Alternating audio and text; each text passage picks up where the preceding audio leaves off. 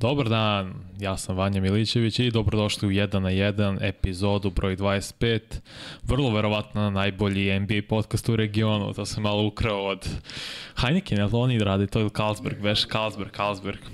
Ali šalno se, dobrošli ljudi, nadam se da ste dobro, što bi rekao Srđan Erceg, da se mazite i pazite, vojite račune jedni od drugima. I evo nas subota, predveče, to je sa mnom i Srđan Veliki, učinio mi ovu uslugu, mislim i stvarno mi je zadovoljstvo da delim sa tom sad studio.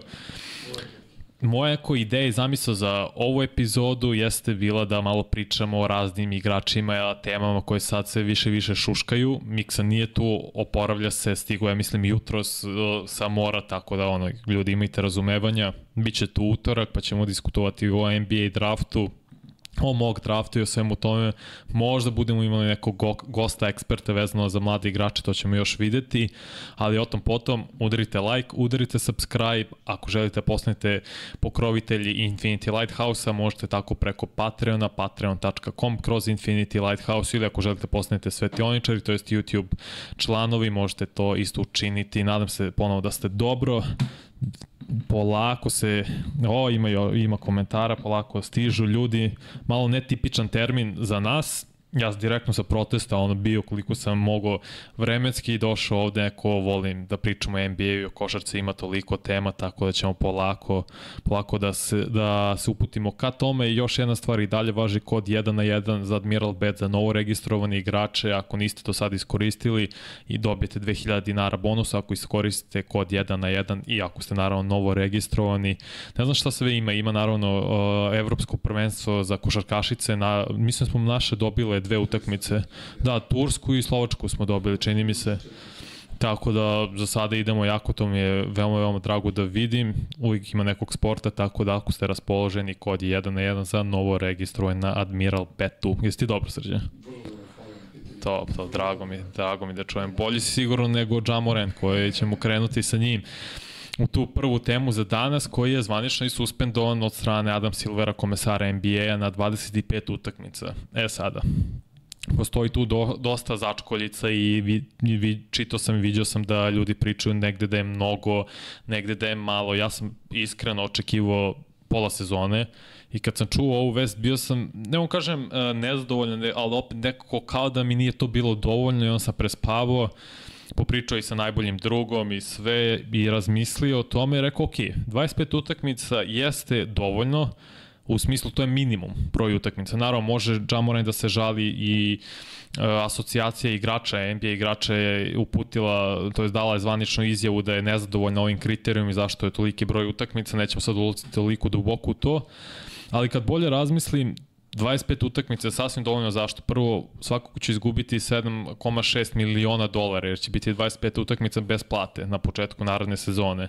Druga stvar, neće biti, uh, neće moći da bude, kako to najbolje da kažem, ne registrovan, već neće moći, uh, kako se prevodi najbolje eligible. Nije dostupan, već o, o svakako, o, nisu mu, o, o nemogućeno mu je da bude uh, kandidat za All NBA timove, za nagrade kao što su MVP, šesti igrač, ne znam, defanzivni igrač, igrač koji je najviše napredovao i tako dalje i tako dalje.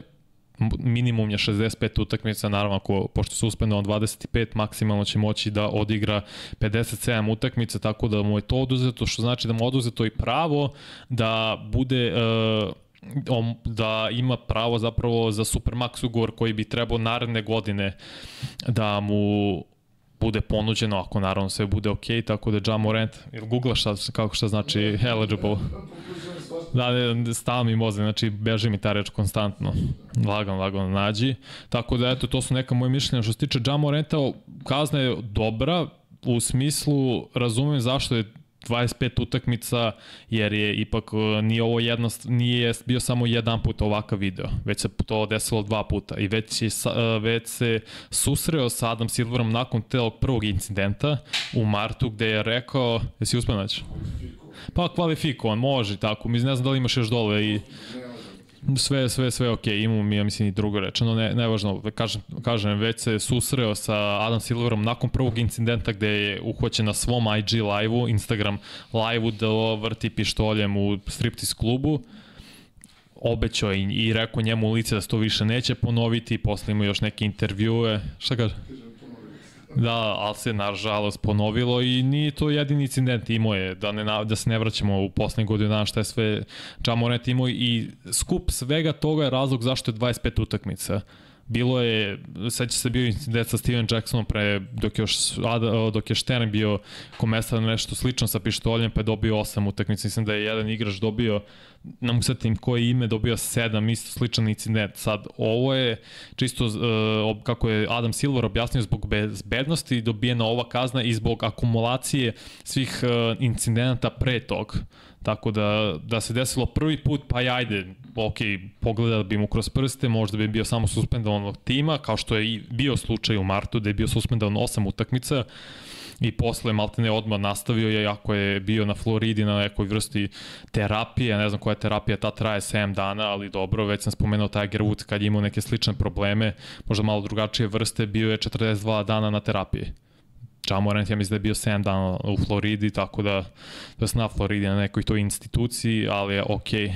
I opet imao izjavu Jamorant da je rekao da se kaje, da mu je žao zbog dece koji su, koji na, gleda, na njega gledaju kao uzora i tako dalje, sve to super što on i rekao i to je pripremljeno napred ali što bi Shannon Sharp rekao, bolje vidim nego što čujem. Tako da zaista nadam da će se promeniti Jamorant, jer stvarno ima i vrlo je mlad, naravno svima treba davati drugu šancu, ponekad i treću, sve to ok, svi grešimo, to ništa nije sporno, ne treba odmah da se zatvori ili da bude cancelovan ili kako god, koji god uh, izraz želite da iskoristim, mislim da treba mu se pruži prilika, 25 utakmica je dovoljno, do, dosta će izgubiti s tim, ja mislim već da izgubi jednog sponzora, Nike je ostao uz njega, samo kažem, bolje vidim što bi rekao Shannon Sharp nego što čujem, tako da se nadam da će, nadam se da će promeniti svoje ponašanje je, i da je sad svestan šta sve može potencijalno da izgubi i da jeste zaista uzor dosta mladim e, i igračima i deci, tako da se nadam da će se promeniti. Vidim šta vi ljudi pišete i hvala puno što ste u ovom broju, skoro 100 ljudi u live-u polako se podiže taj broj, da vidimo, da vidimo. Opa, opa. Kako komentarište to što je Nike ostao na njegovu odbranu dok su Kyrie odbacili zbog linka? Dobro, to su već druge stvari, znamo zašto ne bih opet u to ulazio, ne odobravam to nikako Bojana da se razumemo. I zato mi je žao i krivo jer što je Nike to uradio, što je Maltene prvom prilikom otpustio Kyrie i napustio ga, to je veoma bez veze s njihove strane iskreno, ali o tom potom mislim da sa jedne lične strane meni su Kairi i Patike bile jedne od najbolje koje Nike imao. Što se tiče košarke i izgleda samog i dizajna, bile su prelepe i izuzetno mi je krivo i žao zbog toga. A sad ćemo ići igrač po igrač što se tiče gde će ko da ide. Da vidimo dalje. Kaže Luka malo 25 realno sad sam objasnio, jeste i nije malo, Propu, do, neće biti dostupan, što smo ipak uh, na kraju to uzeli kao prevoz za eligible uh, za te nagrade, izgubit će dosta para, nadam se da ne naučio lekciju, tako da vidjet ćemo šta dalje.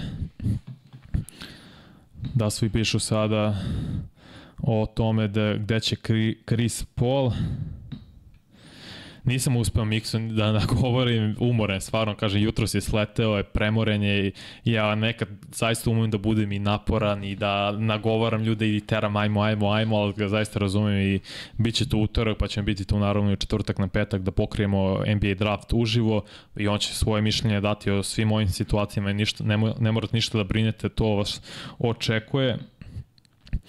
Uh, Blago Jačevski kaže da je Kairi sad sa Anta potpisao, nisam to video ali bi bilo, bilo bi to cool videti. Uh, jel postoji Jokić kolekcija patika se uzme kod nas? Nisam siguran da postoji, zato što su to uh, igračke edicije. On nosi, čini mi se, GT Zoom 2, nisam siguran. Mislim da pre nosio Hyperdunk, sad su GT Zoom.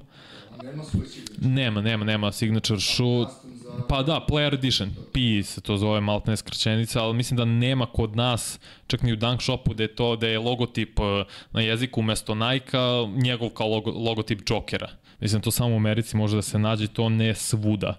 Tako da se nadam da će stići kod nas, bilo bi lepo, verujem da bi se to brzo rasprodalo i da bi ljudi hteli da kupe.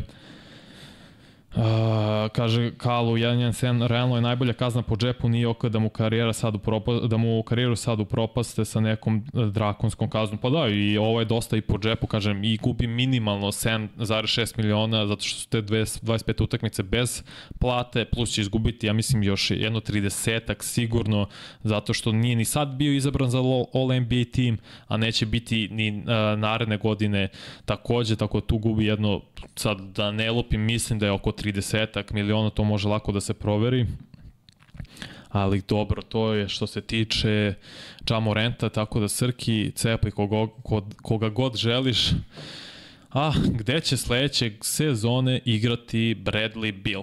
Im, imamo danas nekoliko igrača koji ćemo pokriti, mislim imamo petoricu, šestoricu, izvojit ćemo po nekih desetak, 15 minuta maksimalno za sve da pročitam i vaše mišljenje, tako da postavite pitanje i vaše spekulacije za igrača o kome trenutno pričamo, to je Bradley Bill, koji se našao sa e, rukovodstvom Washington Wizardsa i došli su do nekog dogovora da potraže trade partnera za njega jer imaju novog GM-a, mislim da je Michael Winger GM Wizardsa i da sad želi da se uradi potpuni rebuild.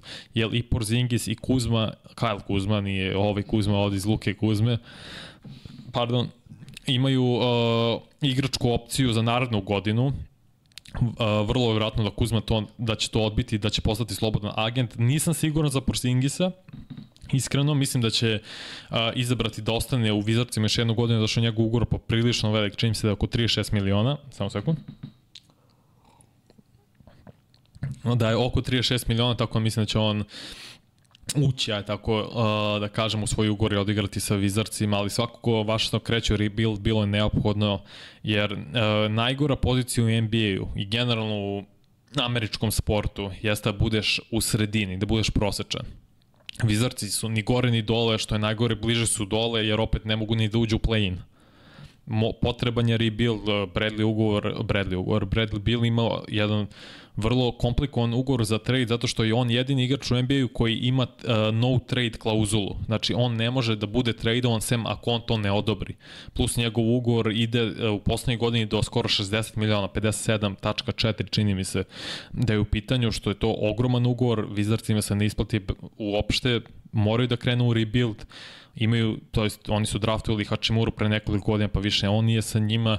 Imaju par zanimljivih mladih igrača, kao što je Javdija, možemo sad da i duđemo zapravo u roster, uh, uh, uh, samo sekunda, da imamo ovako u roster Washingtona, pa ćemo se onda prebaciti na Bradley Bila i št, gde bismo njega gde možemo njega zamisliti. Mislim, kao što možete vidjeti na ovom potpisu, ja sam stavio četiri ekipe Miami, Filadelfiju, Boston i Memphis i daću svoje obrazloženje za svakog za svaki taj tim zašto i kako. Kad gledamo nemaju čak ni neku uh, mladi kor sem Avdije ko, oko kog mogu da grade. Njima su potrebni pikovi To je apsolutno očigledno i to, to je glavna stvar koju će Washington i hteti. Da, da što više draft kapitala sad skupe i eventualno ako kroz trade mogu neke mlade igrače da pokupe. Mislim da oni imaju osmog pika na ovogodišnjem draftu i sad ću da vidim. Samo jedna sekundica. Osmi pik. Da vidimo, da vidimo. Ajmo ovako. Dok se to učitam šta ljudi pišu. Kaže Log John, ajmo braću like, ljudi udarite like. To je samo jedan klik vama da malo podignemo i ubrzamo algoritam. E, kaže Luka da je sad Shams objavio da su priče Miami i Sanci. To je zanimljivo za Phoenix Sanci. Ne znam kako bi se uklopilo iskreno. Nisam uopšte video Phoenix jer imaju i Durenta i Bukera. Bradley bili je dvojka. Samo ako nije ideja da prebace Bukere na playu čak, jer bolje razigrava nego Bradley Bill, ok, ali to mi je opet vrlo upitna situacija, ne znam kako, ili čak da igraju small ball, da Durant igra 4, Bradley Bills i Devin Booker su krila, u suštini 2 i 3, što bi opet značili bili u nekim, što se tiče odbrane, poprilično niski, ne znam kako bi to izgledalo, a Washington ima, da, dobro sam, prepostavio osmog pika, tako da da pogledamo depth chart Washington Wizardsa, tu je Monte Morris, Bradley Bill, Kyle Kuzma, Porzingis, Daniel Gafford, Delon Wright, Jordan Goodwin, Corey Kisper, Danny Avdija, Jay Hove i Kendrick Na, naravno i Johnny Davis. nikakav skoro tim. Iskreno da budem neophodan rebuild, mislim da će Kuzma otići, da treba da se otarase, da se otarase, da traduju bila, da dobiju nešto. Sad, Wizards ne mogu da dobiju možda ono što su dobili Utah Jazz za Donovan Mitchella samo zbog razloga što Bradley Billy ima no trade klauzulu, jer on ne želi da njegov budući tim bude toliko osakaćen, da daje toliko resursa mladih igrača, draft kapitala, da ne mogu lepo da sagrade tim koji bi trebao naravno da bude playoff i da se bori za samu titulu. Da vidimo, da vidimo. Da, da, čitam, čitam Kalu, čitam da su Miami i Sanci, ali evo ja ću krenuti baš od Miami, ja sam uvek pogledam na stranu da nešto tačno piše, ali zašto Miami Heat? Sad su bili u NBA finalu, očigledno to je ono što sam i pričao, da im je neophodan igrač koji će stvarati ofanzivno pored Jimmy Butlera. Bradley Bill se u, ta, u tu filozofiju uklapa, dvojka je, igra ok, odbrano nije neki defanzivni igrač, naravno to može da se popravi u sistemu Miami Hita, ono što je najvažnije, može sam sebi da stvori šuteve i može da beleže 25 pojena po meču. I videlo se u finalnoj seriji protiv Denvera da Jimmy Butler do određenog momenta, to se videlo u Bostonu, polovini serije, prosto udari u zid i ostane bez gasa. I tu bi onda usledio Bradley Bill, neko koji je i all-star igrač u ovoj ligi, koji je imao sezoni da beleže preko 20 pojena nekoliko puta, može sam sebi da stvara šut, prelep izbača ima, veoma dobar šuter za 3, za 2, odličan je ofanzivni igrač, samo mislim da nije dovoljno šanse dobijao u Vizarcima, to je da nije bila medijska pažnja njemu da ljudi vide koliko je zapravo ofanzivno, koliko ofanzivnu veštinu ima bili šta se može da uradi. A sad šta bi Miami morao da da, Hero sigurno, pošto Bradley Bill mislim u naredna godina oko 40 miliona, možda čak i 45 skoro na ugovoru, mora da se da Tyler Hero, moraju se daju i pikovi, a Miami može da da čak i tri pika u prvoj rundi, što za Washington, naravno to će biti u kasnijim godinama, nije to ništa skoro, što je za Washington skroz okej, okay, Taras, Tarasili su se u velikog ugovora i Bradley Bila, dolazi Tyler Hero koji je solidan igrač, beleži 20 pojena po sezoni, tako je beležio prošle godine, možda bude neka fina treća opcija u šampionskom timu, Dob, uh, svako dobar deo da gradiš oko njega ne nužno da bude glavni igrač, ali ne veze, korak po korak. Moraju u Wizardsi da vide šta je najbolje za njih i dobiti tri pika od Miami za budućnost u prvoj rundi. Naravno, pikove prve runde nije toliko loše za Miami. Ja mislim da bi odmah bili favorit na istoku za NBA finale ponovo. Pored šta god da uradi Milwaukee, Boston, skroz je nevažno ako Bradley Bill ode u Miami, mislim da je to onda pun pogled i da Miami je ozbiljan, ozbiljan favorit čak i za NBA titulu možemo da vidimo koji su sledeći timo i ne idemo dalje. Malo sam te. Philadelphia 76ers sledeći i povezuju ih e, dosta ljudi zbog toga što imaju prijateljstvo Joel Embiid i Bradley Beal. Sad kako bi trade taj hipotetički izgledao i uh, da vidimo, da vidimo Kaže, Kalo, puno je pika, tri pika van, mislim da možda i jedan bez protekcije, jedan swap. Pa, znaš, sve zavisi. Uh, dobijaju Miami Heat All-Star igrača u povratku koji je u svom zenitu, 29 godina, koji se po godinama i nekoj projekciji uklapa i sa Adebayom i sa Jimmy Butlerom. Tako da Miami ne mari toliko za pikovima. Mislim da drugi timovi mogu ponude više za Bradley Bila, u smislu sada korisnije igrače od Tyler Hero sa većim možda potencijalom ili pikove koji su u bližim godinama, da nisu pik 2028. 30. i tako dalje. Tako da ćemo videti u kom smeru će Washington isto hteti, ali to će biti na kraju krajeva dogovor i mora da bude odobrenje od strane Bradley Bila. A što se tiče File, oni mogu da sklope paket koji će uključivati Tobias Harrisa i pikove, jer sad moramo da gledamo načine kako da se poklope ugovori. Tobias Harris ima ogroman ugovor, samo što njegov ugovor ističe na, nakon naredne godine, što oslobađa cap za vizarce.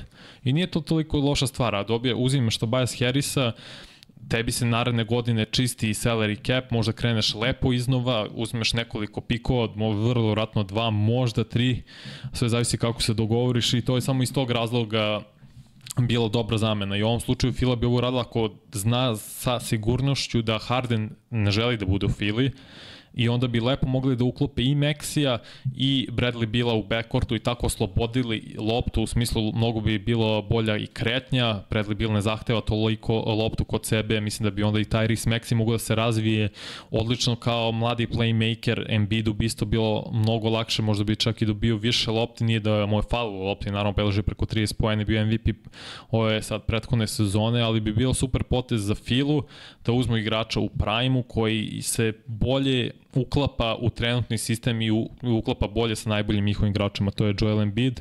Sledeći tim je, samo da šta ljudi piše, imali šanse da dođu u Denver, pa nema potrebe.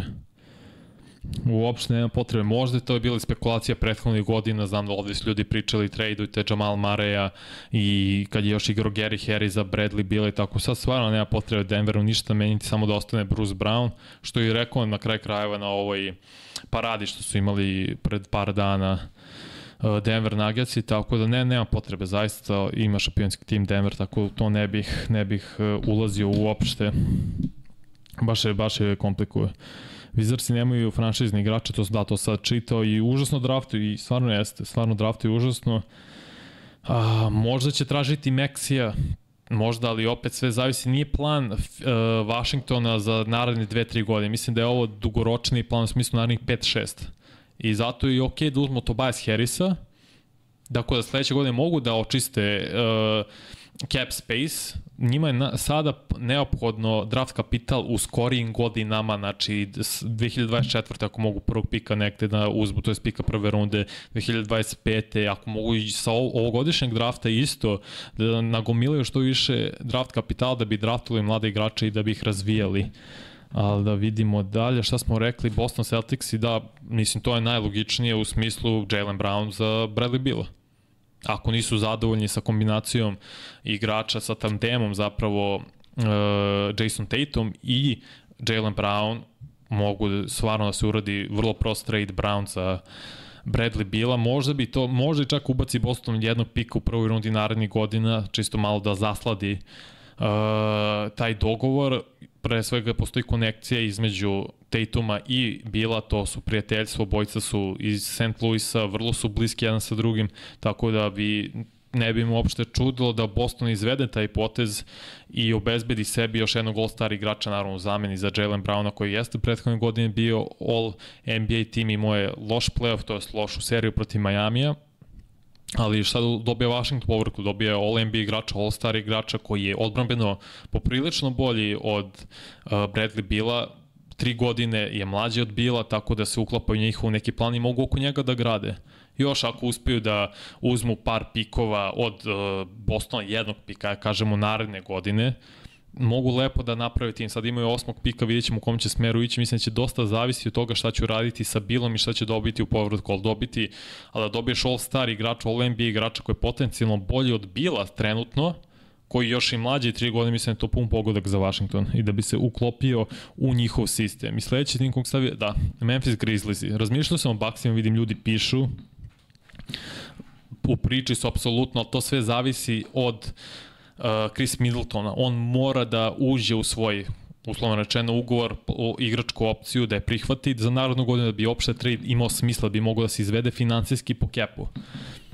Da li je to dobro rešenje? Ja mislim da jeste, jer treba iskoristiti uh, Janisov ovaj zenit karijere, njegov prime, što bi rekli Amerikanci, narednih 4-5 godina i dovesti Bila koji je ofanzivno malo bolji igrač od Chris Middletona. Obojica su all-star igrači, Middleton je više igrač, ima, ja mislim, malo više od 2 metra, 6-7 je 6-8, znači blizu 2-0-3 više igrač, ali mislim da je Bradley Bill ofanzivno veštiji i da bi se čak bolje uklopio, bolje šuter za 3 pojena po meni vidim, vidim, vi, kako, koliko vidim bolje stvari iz driblinga, ima smisla, to sve zavisi od Middletona i naravno sve zavisi od Washingtona, da li uopšte želi Middletona uh, u paketu i onda mora bi Milwaukee opet da smisli do, popriličan broj pikova, zato minimalno, minimalno dva pika, a što se tiče Memphis Grizzliesa, ovo je dobra stvar, što Memphisu je potreban veteran jedan zreo veteran kao što je Bradley Bill da uklope sa već ima jednog, to je Steven Adamsu, zbog, uh, zbog Ja Morenta je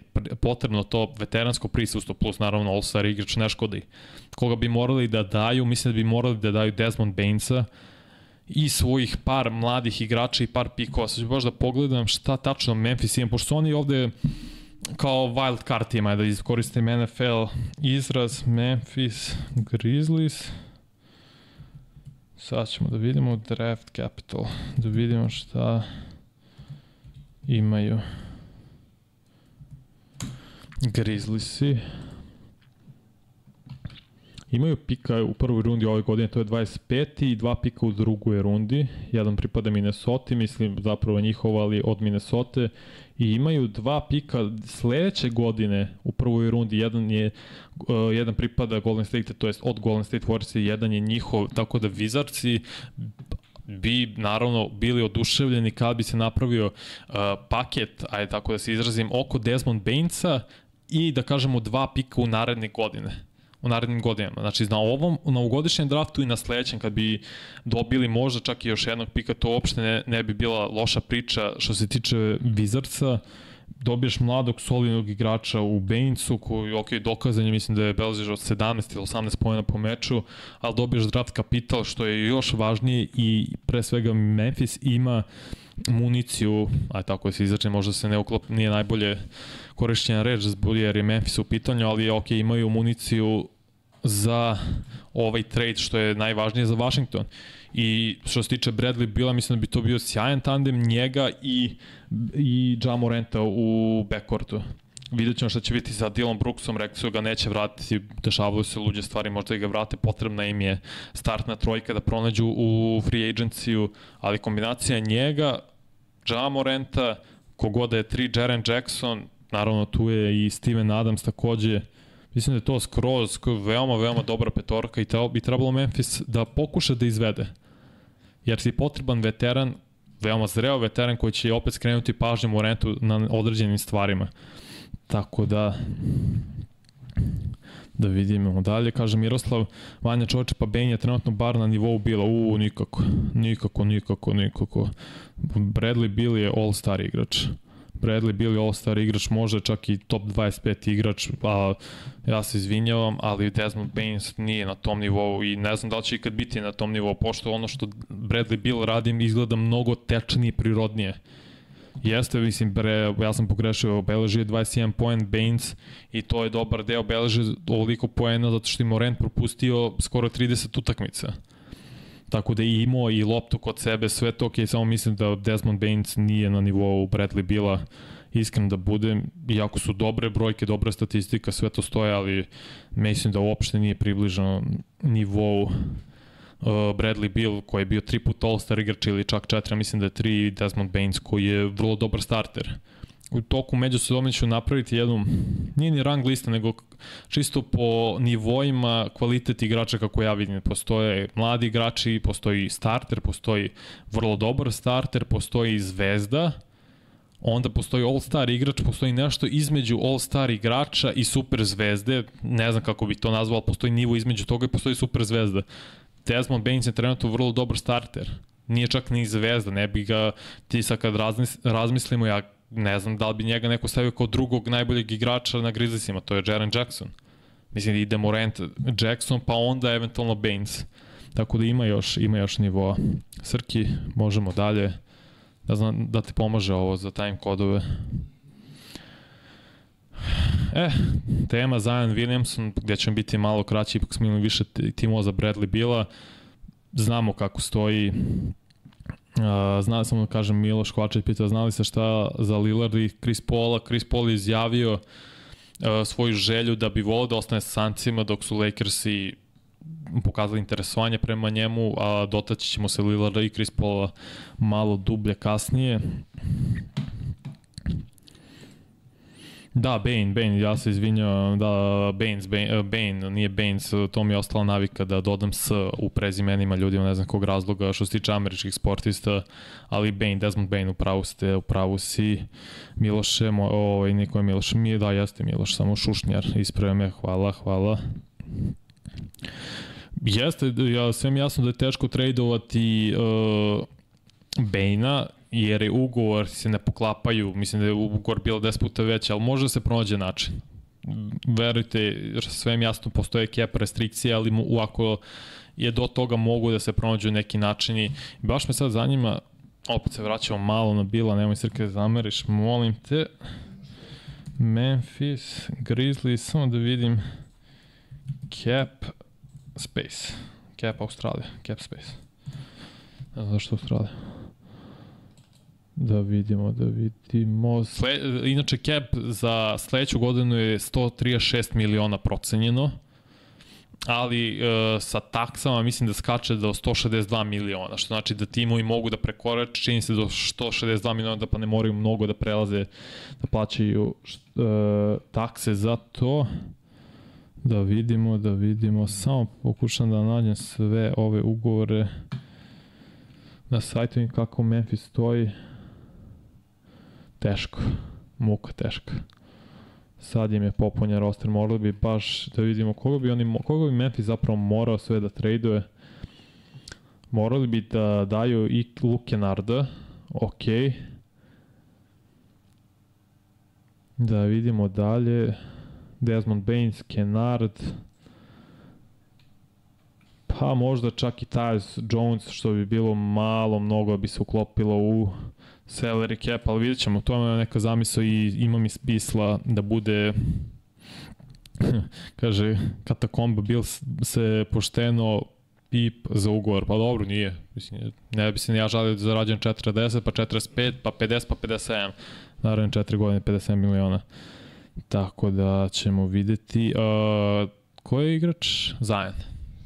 Igrač u teoriji, Srke je omiljeni igrač. Uh, znamo sve što se dešavalo sa Zion Williamsonom u poslednjih mesec dana i, i vidjeli, vidjeli smo po društvenim mrežama, uopšte neću to da zalazim, to je njegova privatna stvar, trebalo bi da bude privatna stvar, o, ne znam za, iz kog razloga svi sad moraju sve javno da stavljaju, to jest drugi da stavljaju o drugima javno, kako god ono što, zašto je iskočila izveštaj i sve više se šuška o tome da žele New Orleans Pelicansi da traduju zajedno, to jest ne nužno zajedno, ali da traduju toliko da dođu do prva dva da dođu do drugog ili trećeg pika na ugodišnjem draftu, jer im se baš sviđa Scoot Henderson. E sad, postoji drugi izveštaj da Pelicansi nisu zadovoljni zajednovim zalaganjem i uh, predanošću košarci to je već skroz druga stvar. I da li on, uh, uh, da li on voli taj čitav proces treniranja, davati sve od sebe. Nemam sumnje ja da on voli košarku, nije to stvar, nego da li je toliko predan da se kompletno posveti njoj i da trenira na nivou koje je neophodno, pošto prvo on je ogroman čovek. Znači on, ima, on je 198, a ima 130 kila on ne može s tom kilažom da igra konstantno. Može, igra 29 utakmice i bude vrh i povrdi se zadnju ložu i ne vrati se više tokom čitave sezone. Čovjek je odigrao 114 utakmica, propustio čini mi se 213 ili 203 utakmice. To, to je neprihvatljivo, to ne može tako, on mora se posveti košarci, sa njegovim predispozicijama, težinom, kilažom, eksplozivnošću, on mora prosto da bude, njegovo telo mora da u kon, bude konstantno, što bi rekli amerikanci, u šejpu, znači mora da, i da bude između 115 i 120 kila maksimalno. Jer ne može ga u njegova kolena da izdrže iz globovi to. Mislim, na koleđu mu već pukla patika koliko je jako zgazio samo je proklizo. Nema, nema Kalu, nema, nema 2 metra, ima 198 zajedno. Možda dva, možda, mislim da je 198 max, da ga stavljaju kao 6-6, što je u suštini uh, 6 foot 6 inch, što je u, u suštini 198 i ponaša se neprofesionalno tako, ima previše kila za svoju visinu, mora da se uozbilji košarkaški. Ja da sam Pelikanci, iskreno, sad vidimo ovde na ekranu o, da ima tri tima, Charlotte, Portland i Nixi. E sada, zašto Charlotte? Prvo moramo da čestitamo Michael Jordanu pošto je prodao svoje većinu deonica što se tiče Charlotte uh, Horneca za 3 milijardi, tako da čovjek nije više većinski vlasnik, tako da sad više mislim da ne postoji jedan većinski vlasnik u NBA timu da je afroamerikanac, da je Jordan bio jedini, ima i dalje neke uh, manje delove, aj tako da kažemo, manje deonice, A zašto ima smisla za Charlotte Hornets imaju drugog pika na draftu i ovo je sad čista kalkulacija. Da li će drugi pik na ugodišnjem draftu biti bolji od Zion Williamsona? što da li ili Scott Henderson ili Brandon Miller ili možda ova braća uh, Thompson kogod od njih dvojice, da li, da li će biti bolji od Zion Williamsona? To je sad glavno pitanje. I to ne, na, ja mislim da će Scott Henderson biti all-star igrač. Ali opet kad Zion igra, igra na vrlo visokom nivou, samo što ne igra dovoljno, kao što smo ustanovili. Stvar u tome jeste, ako Charlotte to učini, daje drugog pika, dobija Zajana, može da ga uklopi sa Lamelo Bolom, što je super tandem i dolazi će ljudi da gledaju plus Zajanja iz Južne Karoline, tu mu je sve u blizini, tu mu je porodica, možda će da se osvesti ako je bliže porodici, bliže domu i da će shvatiti ozbiljnije košarku I možda i samim tradeom, ne, nevažno da li je Charlotte ili gde god bude, bude u fazonu ok, jednu šansu sam prokockao, ajde to da se ne ponove, ajde da su ozbiljni. Možda i to potrebno ljudima, čisto malo nešto da ih trgne. Tako je, Tarik, 198, 128 kila ima Zajan. Tako, previše, previše. Mora da, mora da ima 115, 100, oko 115, zato što opet, ako bi se previše, ako je previše smršao, izgubio bi deo snage i te, tog, eks, te eksplozivnosti, jer on, ti njega ne možeš da zaustaviš ako on želi da ode do reketa. Nema igrača ko može da mu se suprostavi, ali ako bude previše skino kilažu, možda će malo izgubiti na tome, na čistoj e, fizičkoj snazi i sili. Tako je oko 115 kg mislim da je skroz ok. Ali ono glavna stvar promena sredine može da bude i dobro. Ovo sad uopšte nije šala, New Orleans ima fenomenalnu hranu. Znači njihove kulinarske sposobnosti tamo su ljudi, mislim to ne, ne može rečima se opiša koliko tamo jedi, koliko je hrana kvalitetna. Može i to problem zašto je u takvom gradu. Stvarno je, možda treba da ode u Charlotte ili u Portland, doćemo do toga, gde prosto da se osvesti i da nema pristup tome nužno. Naravno, mora da se angažuje i privatni kuvar, nutricionista, sve sve da ga drži do maksimuma, do maksimuma u smislu to jedeš šta tad i tad više ništa ne jedeš. Nema malo ovo, malo ono. Mislim, ja sad pa malo i dajem hiperbolu i možda i preterujem u određenim segmentima, ali to ljudi misle u New Orleansu i oni, ako misle da će ne nužno Scott Henderson biti bolji igrač, ali sigurniji da on može da igra na jednom nivou, da se uklopa u njihov tim, što ja skroz vidim uh, backcourt njega i CJ McCalluma uz naravno uh, kako se zove, sam mi pobeže misao, uh, uz, uz uh, Brandon Ingrama, Her, uh, Herb Jones je isto tu, tako imaju dobar tim, stvarno New Orleans Pelicans je lepo sagrađen tim, mlad tim i ne, op, i skroz bi se dobro uklopio Scoot Henderson sa njima. Ja da sam Pelicans i stvarno bi tradeovao Zajona jer je idealna sad prilika jer mu od ove od naredne sezone kreće ovaj ogroman ugovor. Tako da je sada prilika Trey, Murphy, Herbert Jones, Brandon Ingram, Alan Chunas je tu, Josh Richardson i takođe Jackson Hayes, Larry Nance Jr., to je dobar, dobro sklopljen tim, samo fali kad je Zion zdrav, bili su prvi na zapadu.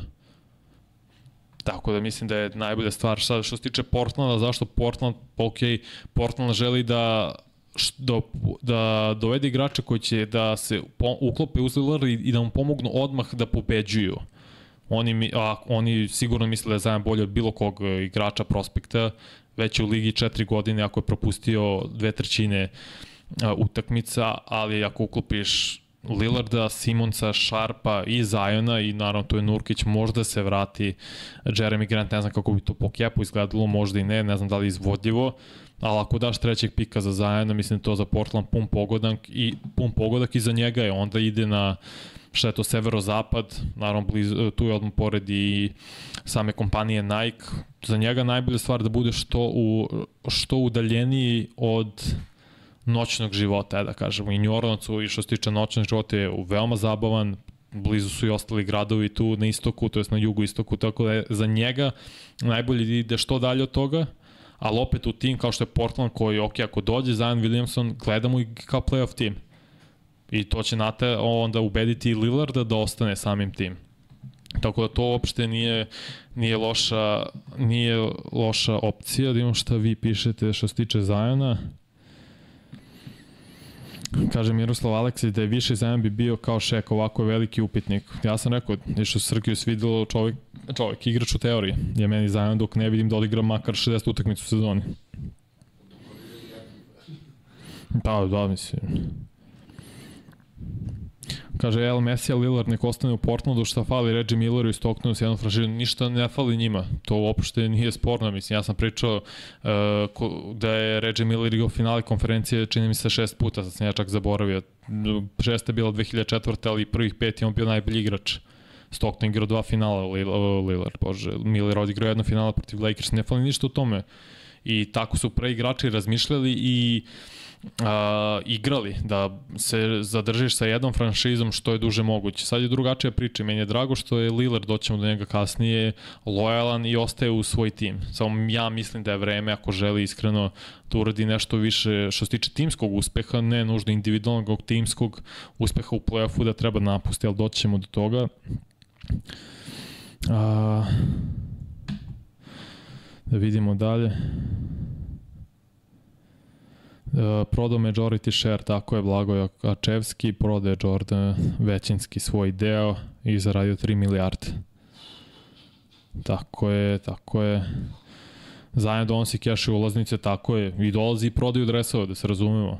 Ja mislim da bi bio skroz dobar uh, pogodak i fit za njega i za Portland i za Zajona, a za ovo drugi tim, koji je super pogodak, jesu uvek New York Knicksi, koji su već bili u razmatranju za Zion Williamsona.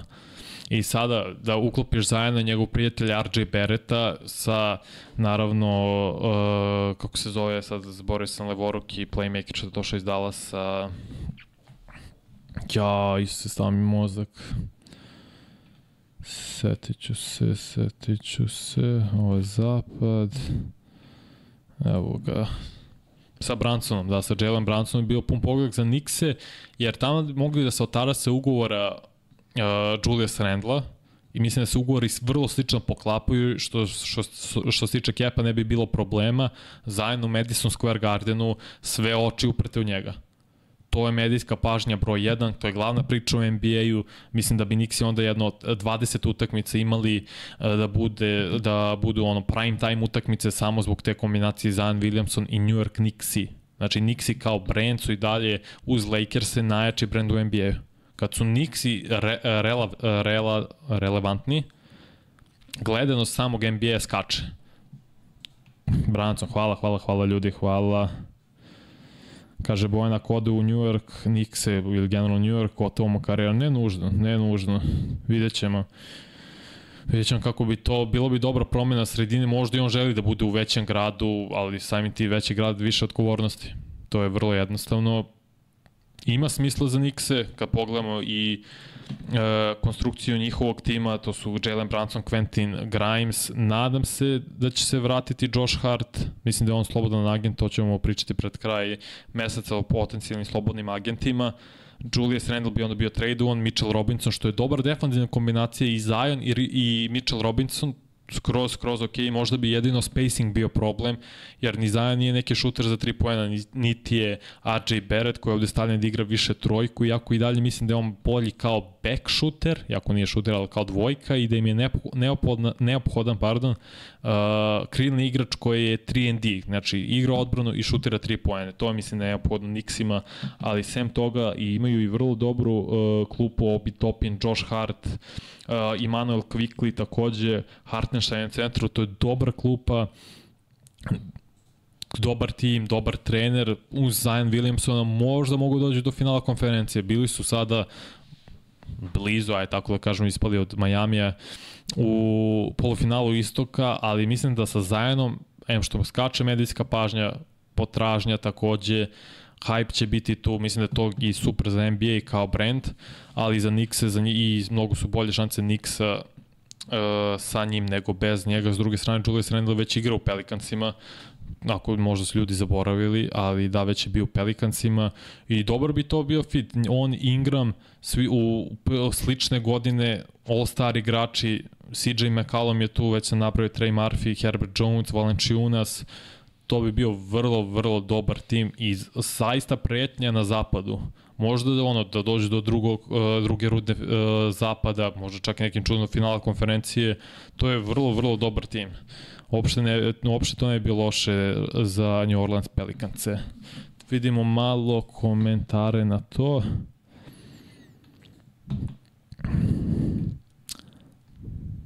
Uh, stari gen, kaže yes he stari generacije su imali drugi mentalitet dolazili su gladni uspeha i nisu odmah milione dobili poslednjih pet pikova prvih je za zaborav možda i 10 godina već O, propušten poziv mlađe brat. Uh, ne prati podcast, očigledno.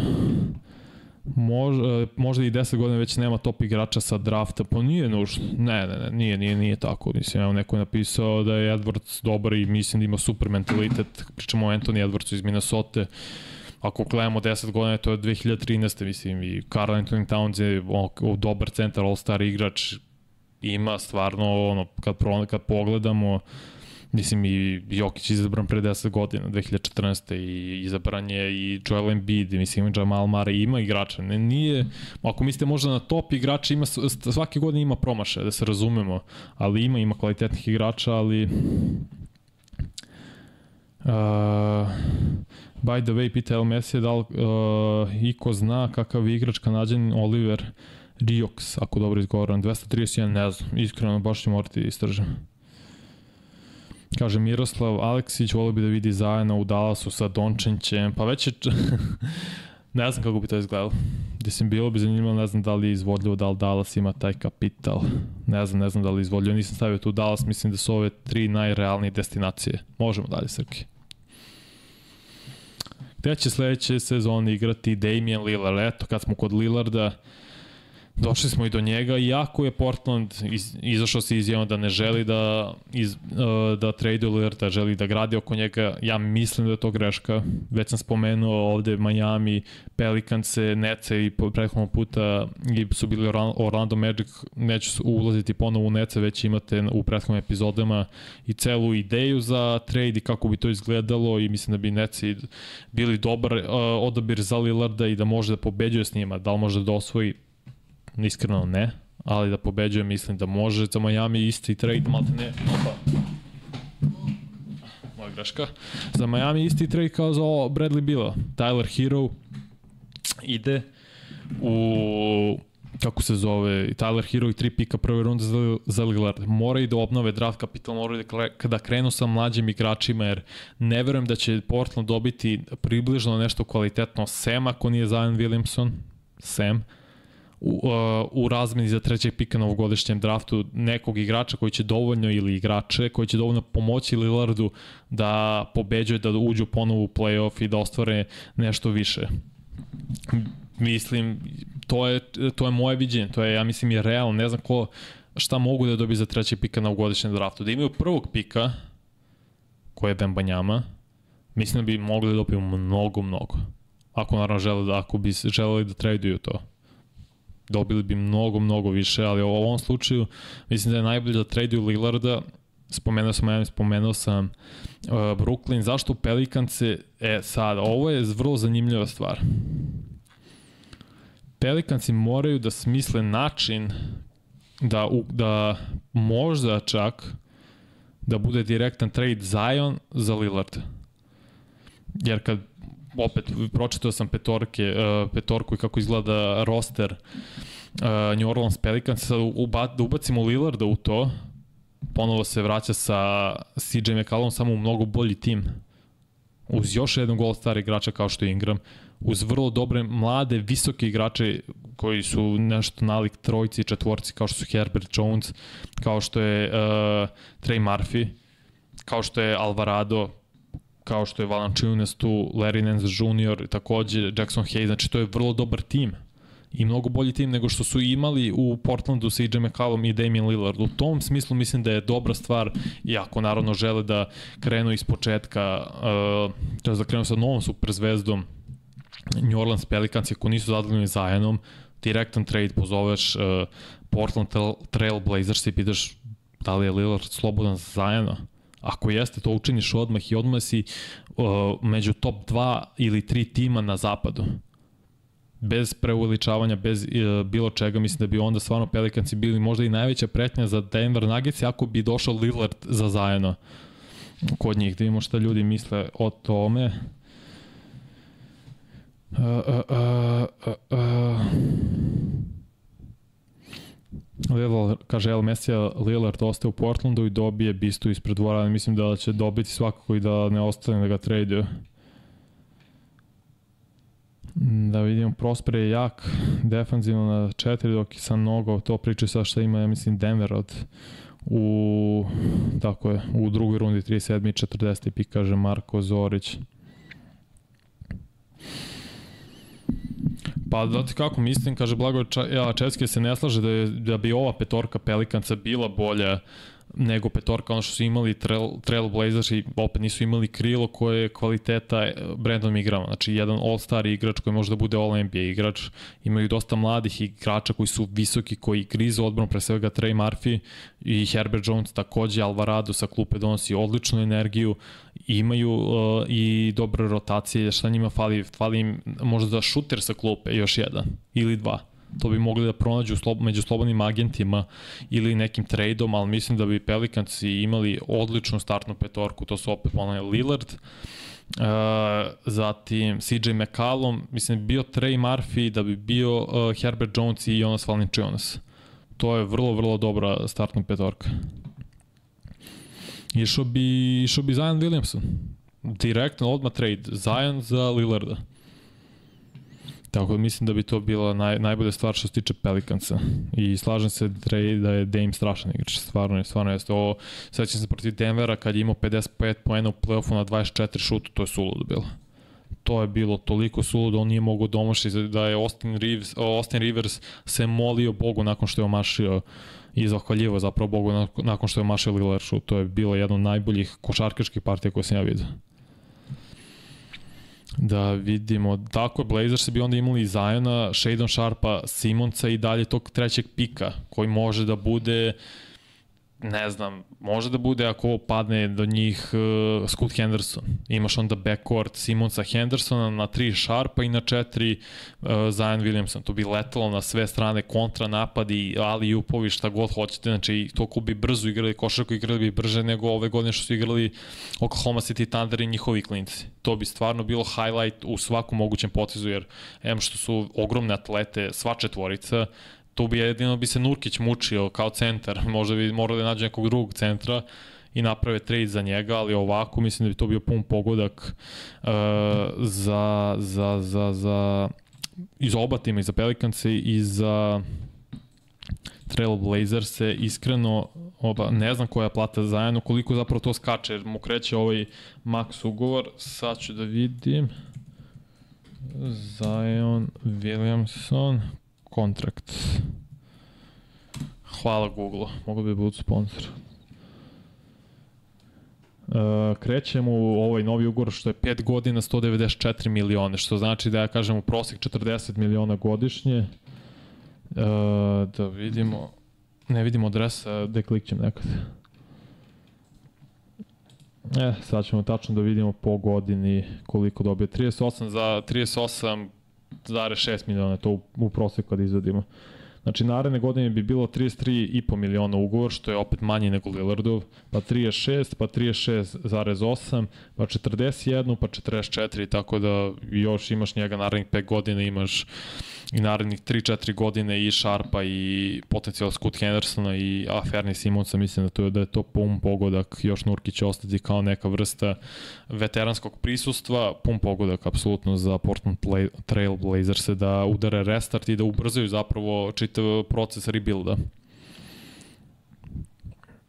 Mm, ima da Hoops Hype je dobar sajt za to, ima uh, ovaj sajt moram da vidim Sportrak, mislim da se zove, ima i Real GM, ima nekoliko odličnih sajtova stvarno što se tiče mm, ono da se pronađe informacije o salary capu i o depth chartovima i sve, tako da ćemo videti 200 ljudi u live-u, samo 88 lajkova, ajmo ljudi udarite like, udarite i subscribe, hvala puno što ste u ovom broju, neko malo ne, nenajavljeno, ali skroz neophodno. Dame Lillard ima 32 godine, ulazi u 33. Ne znam da li ove godine puni 33. Idemo dalje, Srki. Trudim se da ću da se ubrzam. E, gde će sledeće sezone igrati Chris Paul, stavio sam ovde Lakers-e, Boston Celtics i opet te Pelicans vrlo zanimljivo zašto Pelicans se doćemo do toga, zašto i Lakers iako mi to ima najmanje smisla iskreno oni su pokazali neku vrstu interesovanja da li je zbog Lebrona pretpostavljam ja to ne bih učinio, ne bih volio sad da vidim Chris Paul Lakersa, teo sam ga vidim 2011. kad je David Stern stavio jedan veto na taj trade i dalje sam do dana današnjeg ubeđen da bi Lakersi osvojili jednu titulu sa Bryantom i Chris Paulom. da je se taj de, trade desio, ali ide u Jimmy u Fioku nije se desilo, tako da, ali sad mi nema stvarno smisla jer ok, umesto koga onda nećeš vratiti D'Angelo Russella, već dodaješ Chris Paul i još jednog igrača koji je neophodna lopta da razigrava, drugi je što možda je u tom pogledu, hoćeš da malo manje opteretiš Lebrona, ali ćeš možda uh, nužno uh, uzeti lopte i dodira sa loptom Austin Riversu, koji je, Austin Reevesu, pardon, koji je dosta napredovo kad ima loptu kod sebe i sam da stvara i često ide do kraja, iznu, e, dobro iznuđuje faulove, lep šut sa pol distance, ima lepo igra iz pika, mislim da je poprilično napredovo i da, da će još napredovati sledeće godine kad bude dobio veću odgovornost uh, Austin Reeves, tako da nema mi stvarno smisla sada dovojiti Chris Paula. Potreb, mislim da je ovaj tim Lakersa vrlo dobar, samo treba da održe taj tim i da imaju veći, od, uh, veći broj odigranih utakmica zajedno, se stvori bolja hemija, mislim da je skroz ok tim, naravno uvek postoji znak pitanja što se tiče povrda i Lebronovih i od Anthony Davisa, ali ja ne bih ne bih stvarno gledao ka Chris Paulu i Lakersima, nema mi, nema mi stvarno smisla. Uh, Da vidimo, kaže opet Kal, nikako ne bih želeo Chris Paul u Lakers, Reeves treba da dobije bolju ulogu, tako i s tim se apsolutno slažem. Chris Paul izjavio želju da ostane u Phoenixu i oni ga i dalje nisu katovali. Nisu ga otpustili, imaju fore do 28. juna ako to ne urade od tada njegov ugovor postaje zagarantovan. Sad da li je polu zagarantovan i kompletno nisam siguran, mora bi to detaljno da vidim, ali postaje svakako zagarantovan, tako da ćemo vidjeti koju će odluku doneti uh, uh, Phoenix Suns pre svega i da li će biti neki dogovor između njih i Chris Paula, kada pita Marko Simović, da li sam vidio uh, da li sam vidio komentar Lebronov na ovaj kao odgovor Mal Malonu, vidio sam da stavio na Instagramu, ok, dobro, to su male prepirke i Malon je to malo kriv, ne može da izbaci Lebrona i Lakers iz usta, ovo je samo to uzvratio na jedan, ajde da kažemo, uh, namazan način, ajde tako da se izrazim. Tako da nemam nikakav problem s tim. Prvi je Malone počeo, nije Lebron sad jednom počeo da kuka oko toga, već je Michael Malone konstantno na tome i pecka i pecka i uh, šali se na njegov račun, tako nemam problem s tim što je Lebron odgovorio. Sledeći tim za Chris Paul što meni ima skroz misli su Boston Celtics i opet treba, potreban je klasičan playmaker da olakša uh, igru za Tatuma i za Browna. Znači da ne moraju oni stalno iz izolacije, iz igre 1 na 1 da stvaraju sebi poeni, da se dodatno umaraju i da prevode loptu uh, do polovine protivnika. Nek to radi Chris Paul, on je odličan, jedan najboljih playmakera ikada naći će uh, njihove pozicije u smislu da doveš ih u najbolje pozicije da postignu lake poene i to je neophodno bilo Bostonu. To je ono što Bostonu fali pa ne znam da li od Rajon Ronda, malte ne, ne, klasičan playmaker ko će olakšati igru drugim igračima. To nisu Marcus Smart, to nije bio ni Isaiah Thomas koji je bio playmaker koji prvo gleda koš i da postigne svoje poene. To nije, ne znam, Derek White, Brogdon takođe, može da bude Brogdon kao bolja opcija nego Smart u petorci, ali to nisu oni. Znači, klasičan playmaker je neophodan da bi se unapredila igra Boston Celticsa. I mislim da bi to Chris Paulu bila najbolja prilika, uzme veteranski minimum, najbolja prilika za NBA titulom sa ovakvim timom Boston Celticsa. Ne, ne, ne mora trade. Mislim, sve zavisi. Ako bude ostao u sancima, ako ga ne katuju, onda, to je ako ga ne otpuste, onda mora trade. Onda ne znam kako će Boston smisliti, a ako bude bio otpušten, Wavon, to jest, onda je Boston ubedljivo najbolja opcija, ja da sam Chris Paul, odmah bih to izabrao.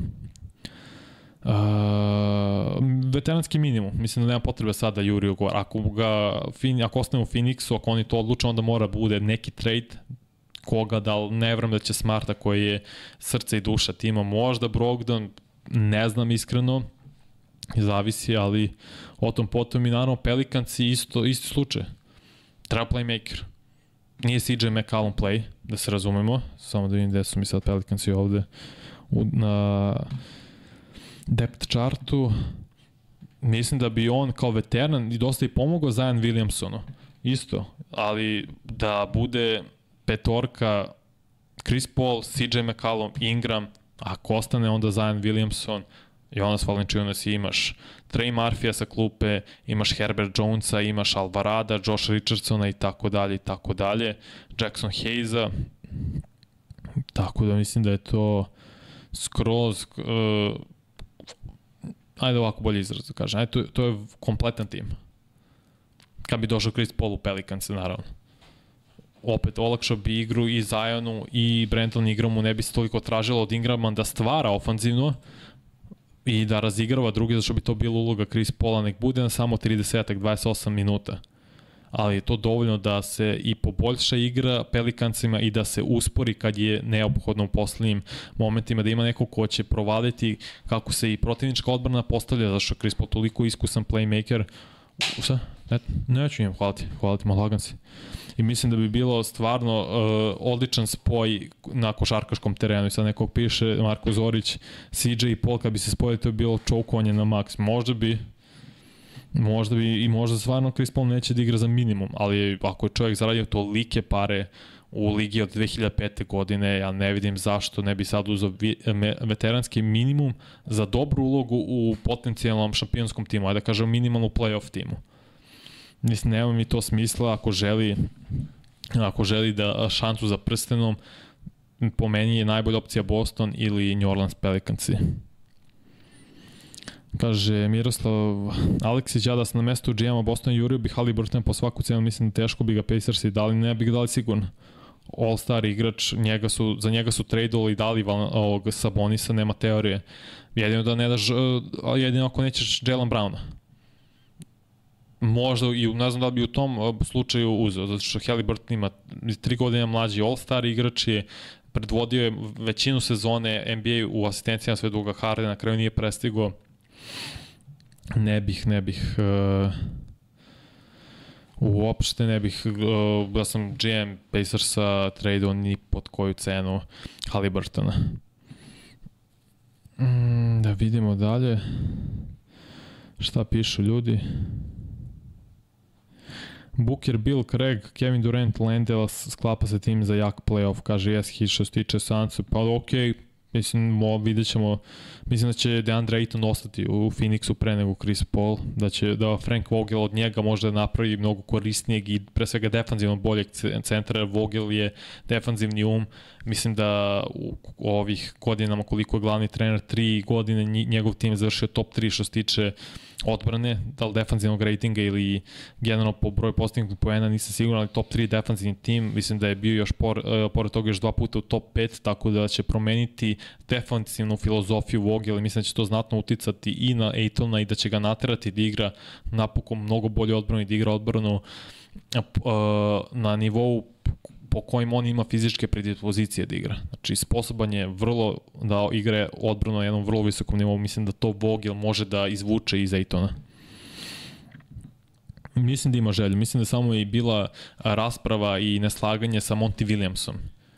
Mislim da je samo to inače i šaljemo i dobru energiju ka Monty Williamsu, pošto pročito sam izveštaj da njegova žena se bori sa rakom dojke, tako da puno podrška za Monty i nadam se stvarno će biti sve okej. Okay i da ćemo imati pozitivne veste što se toga tiče.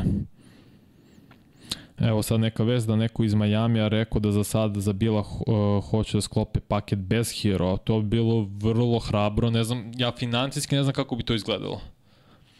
S tim sam se mučio i za Lillard dok sam pravio trade-ove, pošto ima super site gde možeš, trade mašina gde možeš sam da praviš i gleda se sve po kepu da se sklopi. Ja nisam mogu sklopim, sklopim za Lillarda, ne znam kako je izvodljivo po kepu da se sklopi ugovor uh, za takvog igrača koji zarađuje 40 ili 40 ili više naravno miliona po sezoni i da ostanu Hero, Butler i Adebayo i Lauri koji isto ima visok ugovor, ne znam da li je to izvodljivo.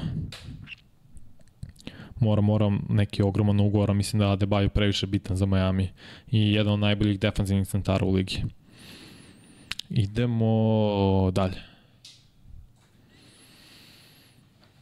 E, gde će sledeće sezone igrati Zek, Levin, nema timova zato što nema predstavu gde bi ga stavio. Ajde da odatle krenemo, šuška se i pročeo sam para izraštaje da, je Chicago, da su Chicago Bullsi krenuli da, sliš, da slušaju, za po, uh, slušaju ponude za Zek Levina, Zeka Levina.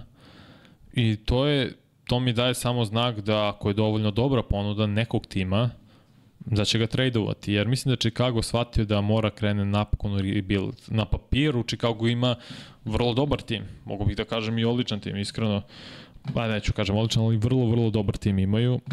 Samo da mi se učita, pročitam depth chart njihov kompletan. Da ne nagađam. A, da vidimo, da vidimo, ovo da ugasimo. Da vidimo. Za sada depth chart stoji ovako, Patrick Beverly, Alex Caruso, Zach Lavin na 3, Demar DeRozan na 4, Nikola Vučević 5, vrlo niska petorika, znači definicija small bola. Na klupi su Ayo Dosunmu, Dosunmu, Kobe White, Patrick Williams, Derrick Jones, Drummond, što je opet, to sve vrlo dobri igrači, naravno ne, ne računam Lam, ovog Lamela, nije Lamela, nego uh, Lonzo Bola koji ima užasne po, probleme s kolenima i m, po svemu sudeći možda mu čak i košarkaška karijera završena, nažalost. Kad gledamo striktno papir, dobar je tim, ono što im nedostaje je klasičan playmaker, ponovo, to ni Beverly ni Caruso nisu. Možda bi trebao e, do sumnu da igra startnog. Dosta mi se svideo na, čim sam bio na Louisville na koleđu i mislim da je bio vrlo, vrlo dobar playmaker po mom nekom ukusu igraju odbranu i dugačke ruke ima i ume da razigrava. Kobe White takođe koji neko nikao da procveta. Patrick Williams isto mlad, njihov visok pik, mladi igrač, igrao solidno prethodne godine. Derrick Jones Jr. Under Drummond. Ali mislim da Bullsi polako shvataju da im je neophodan rebuild. Ja mislim da bi trebali apsolutno da raz, razmatraju to, pošto Vučević uh, je slobodan agent, mislim da DeRozan ima još godinu dana na ugovoru, treba polako plus Chicago, nema pika u prvoj rundi, koliko ja vidim, ove godine. Samo sekunda. Ili grešim. Da, njihov pik ide Orlando zapravo, zato Orlando ima 6. i 11. To je uh, trade.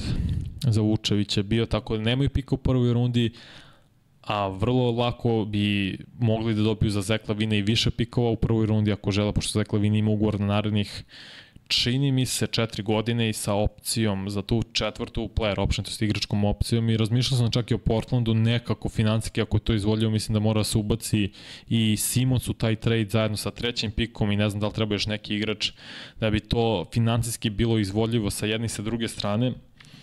Da, ali eto, ako Portland želi, da, pro, da pokuša sa Lillardom i dalje. Zašto da ne uh,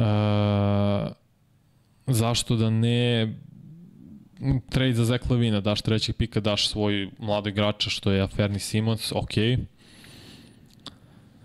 Uh, da vidimo da li jeste, slažem se, blago je da je do sumnu odličan igrač i stvarno potencijal, mislim da je vrlo, vrlo kvalitetan igrač. Da vidimo ko to meni piše. Samo sekundica, ne znam da je nešto važno ili ne. Nije važno, ali je lepo, slatko. Pozdrav sam ovu devojku za Aleksandru. Uh, ne znam da bi Levin mogo, ima ogroman ugovor, ima naravno i timova uh, koji bi, mislim, to je all-star igrač, ljudi, to je igrač koji beleži 25 pojena po meču, nešto slično Bradley bilo, samo mislim da je bolji atleta od Bradley bila i malo kvalitetniji ofanzivno, malo. Male su razlike, mislim da je Lavin malo bolji od, a što se tiče ukupne, to jest kad gledamo overall igrača, mislim da je bolji i Zach Lavin od Bradley Bila i ima timova, samo ja nisam zaista mogu da smislim, sad, sad ću čitati vaše komentare, da vidim, evo, Sa, Savo Milošević, možda je ovaj Savo Milošević, ne, ako jesi dođe u studio se potpiše srđanu knjigu. Piše Savo Milošević, pa možda je čovjek. Pa da. Kaže Sacramento ima dobar tim, ima možda mislim oni mogu da malo raz, razmrdaju svoj tim, da traduju neke tako kao što je Malik Monk na primer, da da ubrzaju taj proces, da dovedu Zek Lavina, mislim, nikad se ne zna, stvarno su opcije beskrajne, što se tiče Lavina, Miami, opet uvek je u igri, Pet Riley uvek je u igri za te igrače, Monk, Huertera da daju eventualno pika prve runde, mislim da imaju svog, koliko se sećam da je 20 i neki, ili nije. Imaju 24. pika svog, imaju. Taj neki paket da se stvori i prosto je ovo za Chicago, ako žele rebuild vreme, nažalost nikako da se uklopi ovaj tim, ovo da se ispuni potencijal ovog tima, što znači da bi trebali onda i Demar DeRozan da traduje. Isto ima čovjek ima još jedan ugovor, još jednu godinu na svom ugovoru što bi za neki playoff tim bilo super stvar. ideš all in te ove naredne godine i posle svakoga nemaš na kepu, tako da bi to bilo skroz ok. Uh, Lavin, Golden State Warriors i bilo bi zanimljivo, kaže Blagoj, mislim da je i Zach fit, kaže Miroslav za Milwaukee, Middleton plus pikovi, tako je, slažem se apsolutno, to je sve do Middletona, on mora da prihvati svoju igračku opciju, da uđe u taj ugovor, da bi taj trade uh, uopšte bio kompletan. A Golden State Warriors isto ima smisla, ima i, Bradley, i za Bradley bilo isto Golden State Warriors, vidio sam da je Jay Williams pričao baš o tome, da je paket Jordan Poole plus Clay Thompson za Bradley bila nešto što bi bilo zanimljivo i jednim i drugima, zašto ne i to i Chicago, samo mislim da bi Chicago hteo možda Kumingu uz Jordan Poola i morali bi onda još nekog igrača da uklope zbog ugovora. Možda bi morao čak i Clay Thompson, ako žele da poboljšaju šanse Steph Curry-u, da osvojiš jednu titulu, da se dinastija na neki način produži, Mislim da bi onda morao da se tradu i Clay Thompson i Poole, možda pikovi ako imaju, ili čak i Kuminga za Zek Lavine i onda ti je startna petorka u suštini ako ostane Draymond Green. Mm, Steph Curry, Lavin, Wiggins, Green i kogod je na centru, to još treba se uredi, rećemo Luni za sada, ali mislim da trebaju da ciljaju Miles Turnera, treba im visoki igrač koji igra, pre svega vrlo dobro odbranu, odlično blokira šutevi koji može da raširi teren i dobar je šuter za 3 pojena što se tiče centara. Uh, da, Bogdan je potpisao novi ugor sa Atlantom, produži na još 3 godine, tako da ne znam da li će ići negde. Mislim da je Peyton, pitam ja Marko Simović, uh, Peyton Watson menja Jokića, ne verujem, ne, ne, ne. Mislim da je Peyton Watson 2 ili 3, nisam siguran. Mislim da nije toliko visok, ali mislim da bi trebalo da vrate ili Thomas Bryanta ili Deandre Jordana da mogu da menjaju. Thomas Bryant bi bilo super jer je mlađi nego Deandre Jordan, tako da bi to trebalo gleda. Uh, Denver, Clay jedva čekaju jer im je ekstra porez odmah.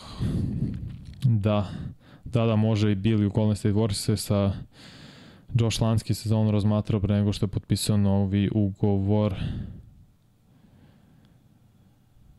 Dobro, da vidimo da li mislim je to to Srki što se tiče to je to, ajmo pitanje odgovor ljudi malo cepamo, ovo smo teli, ovo sam stvarno imao zamisao ovako da prođemo danas nekoliko zanimljivih igrača gde bi mogle destinacije da čujem vaše mišljenje, sad pucajte sa pitanjem sa bilo kojim igračima, bilo koja tema, čisto pokrijemo to malo, pošto kreće NBA draft koji je naredni četvrtak na petak, koje to ćemo raditi live mix odavde, uradit ćemo mock, NBA mock draft u utorak, možda sa gostom, sa jednim ekspertom što tiče mladih talenata, mnogo kvalitetnijim od mene, vidjet ćemo da li ćemo moći da se uklopimo ili ne.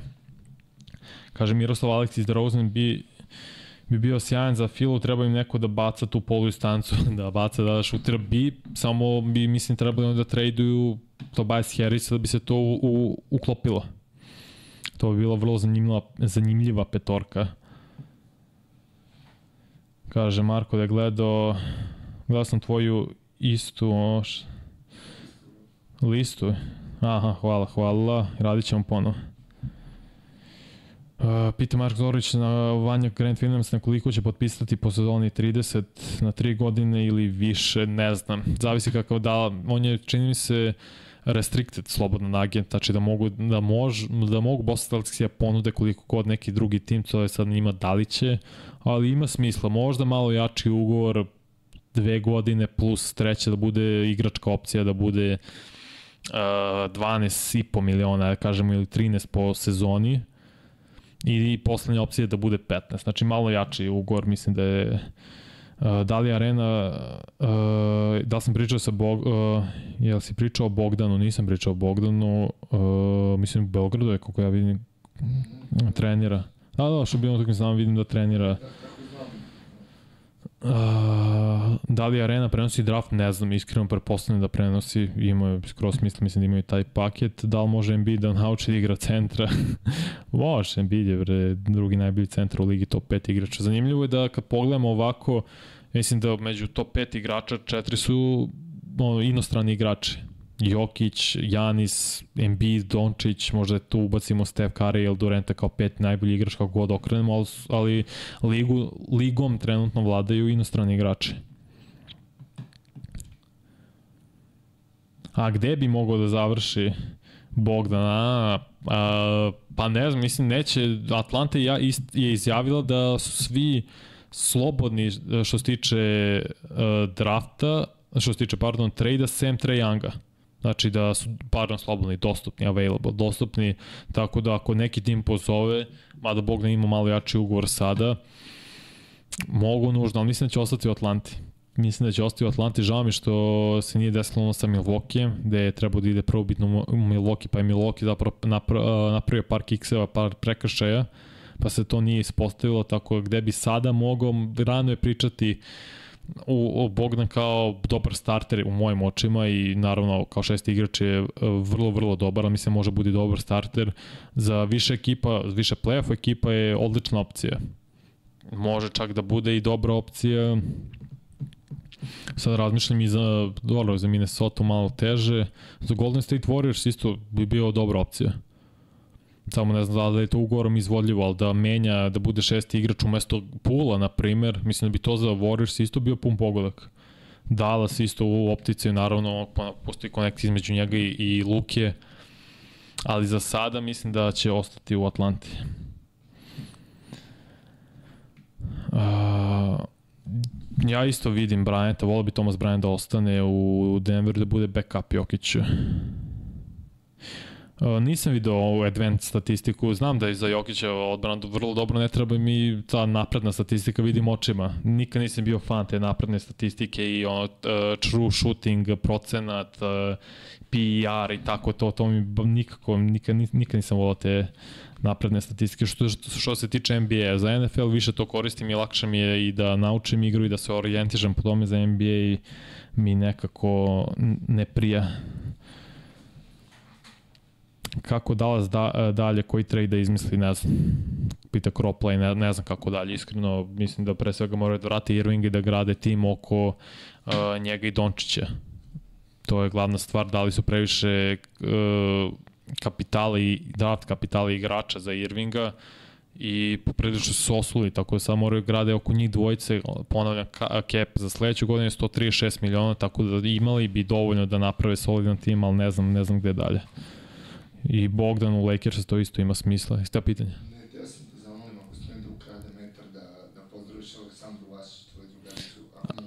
A, možeš, možeš, nego ćeš gledam u tvoju pozdrav za Aleksandru Vasić, tvoju ortakinju, moju bivšu koleginicu, znači najjače glas ima žena, ono, kako peva, to je fenomenalno. Ne znam gde peva sada, znam da je pre bilo šesto čulo, tako na i dalje tu, znači obavezno idite, poslušajte žena, devojka, kako god kida, stvarno i veliki pozdrav za Aleksandru, dugo nisam vidio.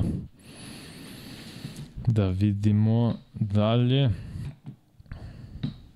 Ne, e, mislim da sam vidio nešto tako da je bilo poređen kako igra u regularnim delom sezone, odbrano Jokić kako play-offu da je to znatno bolji. Stvarno, o, na oko se vidi da je bolje da se više trudi. Zato kažem i ne treba nužno napredna statistika to da ona, ona, su, ona je super stvar da utvrdi to i da precizira, ali mislim i, oči, i na oko se vidi da Jokić zaista igra bolje odbranu. Jerving, Bogdan, Luka Nebijat, Branlin, Trio, Cvetković, Milutinović, Vrabac. Da, to je odbrane uvek pitanje. E, tako je, Danilo Blečić pita neko povećanje za Cleveland, neka prava trojka jer, nema, jer je nema i slažen. To sam pričao i u toku mislim početku play-offa da Cleveland nikako nema klasičnu trojku. To se očekivalo od ovog mladog uh, njihovog igrača, sad ću kako se zove, što su draftovali skoro, što sam ja bio tri puta, fazom dve godine, zapravo ovo je četvrta godina, da, Okoro nije se ispostavio kao pun pogodak. Mislim da se slažem se apsolutno potrebna je klasična trojka, neko ko može da uh, raširi teren, opet 3 and D igrač.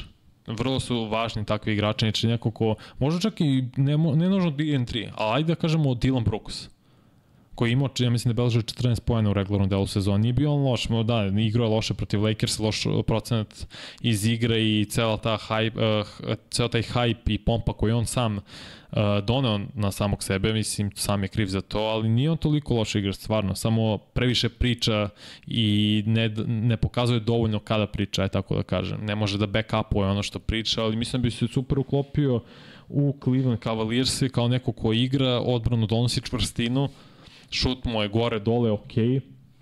to moraju sa klupama da pronađu, ali mislim, ne, ne, uopšte ne zvuči loše da bude mm, on kao opcija. Sad razmišljam, uvrtim u glavi ko bi, ko bi još to mogu da bude za Cleveland Cavaliers, sad setit ću se. Da li je Iko zainteresovan za Johna Collinsa, deluje mi dobar šesti igrač za mnoge. Pa mislim može biti dobar starter, jeste dobar starter, samo je limitiran igrač. Nema skoro nikakav šut van reketa, nikako to da razvije atleta, igra ok, odbranu solidno u nekim momentima. Daje, mislim, dođe do on svojih 18-19 poena Sad naravno ne znam da li sam lupio tačno brojku, ali mora biti tačno da vidim koja je statistika, ne znam, na pamet, ali mislim da mislim da može bude stvarno dobar start, ali treba da se pronađe pravi sistem gde već postoji igrač o, u front kortu, znači da li je 4 ili 5 ako on igra ili 4 ili 5 koji može da raširi teren da njemu ostave taj deo oko reketa. Mm, da vidimo. Pozdrav za Gotovušu sa, na Kosovo i Metohiji. Pozdrav, pozdrav za Gotovušu. Uvek dobrodošli ovde i u chatu i da, i da komuniciramo i pričamo o NBA-u. Da, da, su treba pravi centar. Mislim da su oni uh, maltene rekli da neće vraćati uh, ovog njihovog, kako se zove, Woodsa. Vidite, ako nekad brkam imena je previše Christian Wooda, pardon, ne Woodsa, ne Christian Wooda, previše igrača NBA i NFL se nekad pomešaju. Da, treba im pravi, pravi centar. Može njima Miles Turner isto neko mi dele da je Turner e, dostupan za dosta timova da, mogu, da može da se traduje za njega, tako da zašto da ne. Može da raširi teren, da što je super za Dončića, da mu slobode reke da može da ide kraja, opet da može da mu vrati kad probije i Turner ima lep šut za 30 stvarno. Da vidimo dalje. Pa ne bi Collins legao Miami, iskreno Collins je nešto nalik Bema Adebayo. Samo Adebayo veštiji od Collinsa i igra zrelio nekim momentima ima kvalitetni šut, malo kvalitetni šut s polja. Ne bi im legao uopšte, ako pričamo o, o Collinsu iz Atlante. Ne bi im uopšte legao, ne sviđa mi se taj, taj fit. Dorian Finney-Smith je isto 7 za Kevse, to je dobar predlog, to, to mi se isto baš sviđa. Vidjet ćemo kakav je njegov ugor. Ako bi mogli neko da ukradu uh, Cam Johnsona iz Brooklyna, pošto je, mislim da je on rest, ovaj, restricted slobodan agent, znači ima ograničenje, može, mogu i naravno Brooklyn Necija ponude isto toliko koliko bilo koji drugi tim da ga zadrže, ali eto Cam Jordan bi isto bio dobar, uh, Cam Johnson, pardon, bi isto bio dobra opcija, bilo bi dobra opcija za Cavalierse. Da vidimo dalje mišljenje o Oklahoma City Thunderu samo da sazra. Mislim, imaju odličan mladi uh, nukleus, pre, pre svega sa Shai Gilgesom, Alexanderom i ovim, uh, nisu braća Williams, ali kažemo Williamsima, Williamsom i bla, pomešao sam. Došlo je do umora, pošto već sat i po skoro cepamo. I Dori Gidi mi se mnogo sviđa, Dort isto tu, kažem, Jalen Williams, Jaylin isto takođe, samo mislim da je neophodno možda par veterana da ih usmere, Holgram će biti zdrav napokon nakon što je propustio ruke godine, plus imaju toliko draft kapitala da mogu da dovedu all-star igrače na koji god hoćeš pozicije. Samo mislim da je ova naredna godina ključna da vidiš šta im je tačno neophodno za ozbiljan uh, playoff run imaju na playu i Shai Gilgis, Aleksandra i tu i, Gidi tu i Dort kao trojka koji igra vrlo dobro odbranu. Mnogo mi se sviđa uh, Lugvens Dort zato što donosi jednu čvrstinu i stamenenost u odbrani generalno u njegovoj igri. Fizikalni je dosta podsjećam i na NFL igrača pa mi se i zato i sviđa. A mislim da, je ovo, da će ovo godine služiti Oklahoma City Thunderu, to je naredna dve, sezona 2023-2024, da vide šta im je neophodno da budu ozbiljan kandidat za nešto više u play-offu da utvrde šta je to neophodno, da vide koliko su igrači sazreli, pošto su izuzetno mladi, i da onda da znaju šta da pojure od starijih igrača koji su ili all-star ili su približno tom nivou.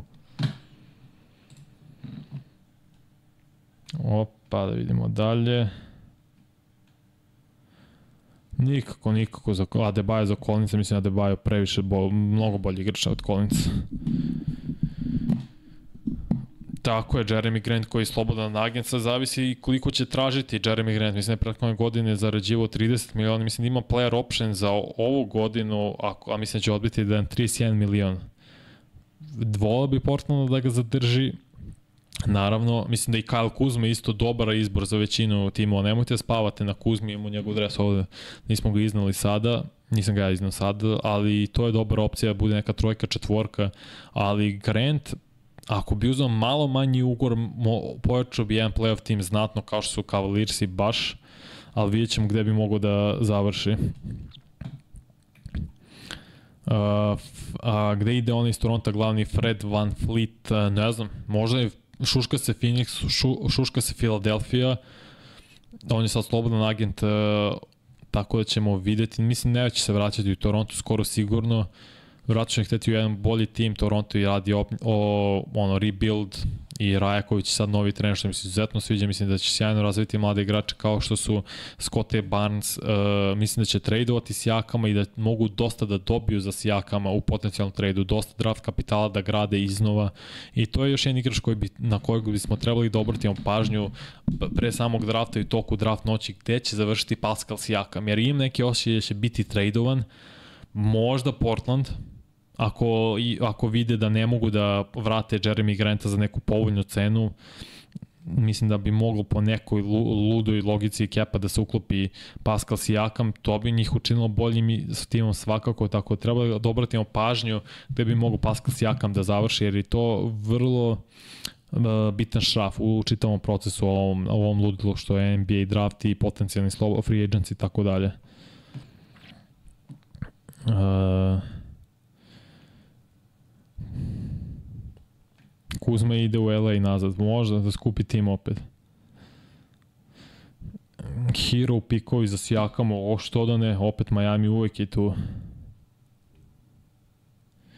Rajković, ja koliko znam, nije igrao čovjek, ovde bio trener mlađe generacije, mlađe selekcija, pardon, i posle u Španiji bio trener, pa otišao u Ameriku, tako mislim da nije igrao Rajković ovde. Dobra opcija s Jakam u Dallas, ima smisla, Kropole ima smisla, Dallas ima 10. pika na draftu, ima smisla. Kažem, Sijakam je vrlo ključan igrač u narodnom periodu. Mislim da će biti tradovan. Da se ne uklapa u sad viziju, u trenutnu viziju Rajakovića i, čit, u, i u smjeru koji bi trebao da ide Toronto, to je kompletan rebuild oko Scotty Barnesa. Tako da ćemo vidjeti.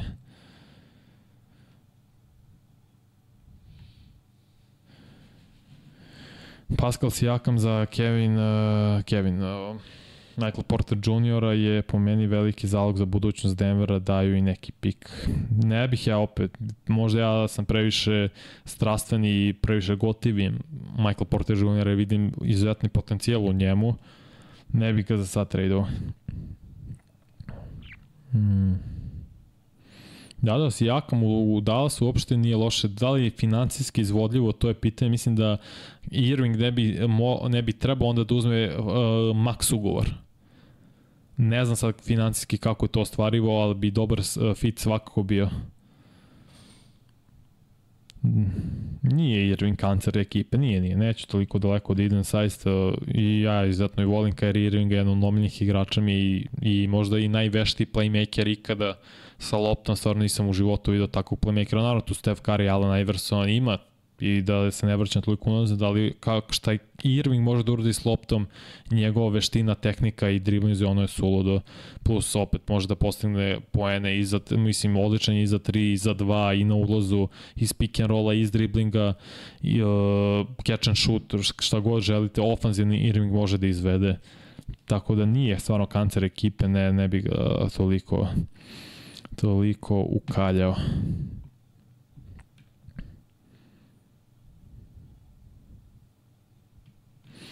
Ja, sad je suludo da ga daš, pa kad si istrpeo sve, pa kako nije, nisi Iversona gleda onda. Mm, ne znam po čemu je sad opet sam ušao u konverzaciju. Razumijem se te Miroslav lagan, lagano, znam da se mislio, mislio Michael Porter Jr. Sveke. Vidjet ćemo, možda i nije dobar fit, ja mislim da su dobar fit Dončić i Irving, mislim da mogu zaista zajedno da igraju, da samo neophodno malo više vremena prođe, ne ide to sve u 20 utakmica. Polako mislim da treba više vremena. treba odbrambeno složiti Dallas, to s tim se slažem i s Jakam bilo možda i dobra stvar, opet ima, ima Dallas uh, zanimljive mlade igrače, da vidim gde mi je sad otešao Dallas ovde. Uh, uh, uh, Dallas Mavericksi. Mislim, sviđa mi se Hardy, na primer, Jaden Hardy, Josh Green, mislim da se očekuje njih napredak, da ne bi da Tim Hardaway Jr. koji realno nije trojka, on bi trebao da igre sa klupe neku šestog igrača. Treba da se, da se razviju Josh Green ili Jaden Hardy, da oni mogu da ih budu ta krila. Pre svega Josh Green, da bude to krilo i opet ni treba neka četvorka, ne Reggie Bullock ili Maxi Kleber. Kleber, pardon. Da taj naglasak stavim. Ali centar, krilo, krilni centar, to su glavne stvari neophodne Dallas ako ostanu i Dončić i Irving, mogu, može Hardaway i Bullock da idu s klupe, mislim da bi Josh Green trebao ako naravno radi na sebi da se razvije da bude dobra trojka i onda da gledaju centra i krilnog centra u među slobodnim agentima ili eventualno na draftu ako sa desnim pikom budu zadržali pik da draftuju ili krilnog centra ili centra. Mm -hmm. Da, da. Da, pa ko zna koji gamer. Ne, ne, okay. A, evo, či meni isto sa. Da, nevrovatno čovjek. Evo sad ja čitam Miami želi da zadrži Hero, sad ne znam kako je to, kažem, fizič, po strukturno i po kepu i financijski, ja ne znam kako to izvodljivo. To samo Pet Riley zna i ume, neću uopšte da ulazim u to, jer je on čovjek ipak kum, Godfather, moj nadimak s razlogom, ne, on jedan od najboljih, ne znam kako to nazovem, košarkaških radnika, ličnosti u istoriji NBA. Tako da, mislim da se rekli bismo mogli polako i završavamo. Mislim da je ovo bilo skroz korektno. Još jedno pitanje i idemo Uh, pita Dejan Tomić, Vanja, da li može nešto veliko da se da očekuje od Nix u narodnom periodu? Mislim, šta znači veliko? Da li je to finale konferencije, NBA finale, sa, kako je trenutno konstruisan tim? Ne. Mislim da im fali pre svega jedno ozbiljno krilo, jer ne može playmaker uh, u konstitucije koje Branson da predvodi tim do titule, do NBA finala, mislim to u, u današnjem NBA malo nerealno. Mislim da im potrebno uh, all-star krilo, Jer Beret nije krilo, on je dvojka, ne, ok, NBA se igra malo više small ball, sve im to jasno, nije potrebno neko krilo kao što je Jimmy Butler, mislim, ne je nužno on, ali taj kalibar. Ja bih zvao stvarno Pelikance i, traži, i rekao bih, ok, dajem zajedno za Julius Randle, pošto su oni nezadovoljni Randle, mi ako je Randle All-Star All-NBA igrač, Ako su nezadovoljni, taj zajedno, to je bolja atrakcija, potencijalno može bude i još bolji igrač nego Randall, efikasniji svakako, procentualno, naravno, po procentu žuta efikasniji, tako da i gledao bih u tom smeru da idem. Ili pozvao bi čak Clippers i pogledao da li hoće da oni razgranu svoj tim. Tražio bi Paul George, na primjer da li je sloboda, da li mogu da dam, ne znam, uh, pikove narednih godina i par mladih igrača, jer mi je potrebno ta, tako neko krilo koje može da stvara za sebi, koje opet može da igra opet na vrlo visokom nivou.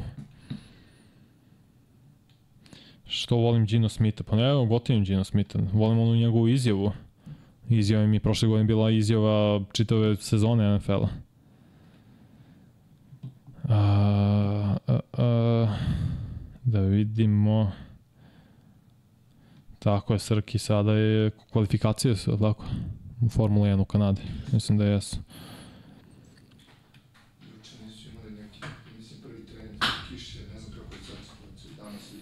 Ne znam, ne znam. Lagam, lagam, Marko, sve, sve je okej. Okay. Sve je okej. Okay. To bi bilo to, ljudi. Danas se ste uživali, evo Srki je živno momenta kad se to rekao.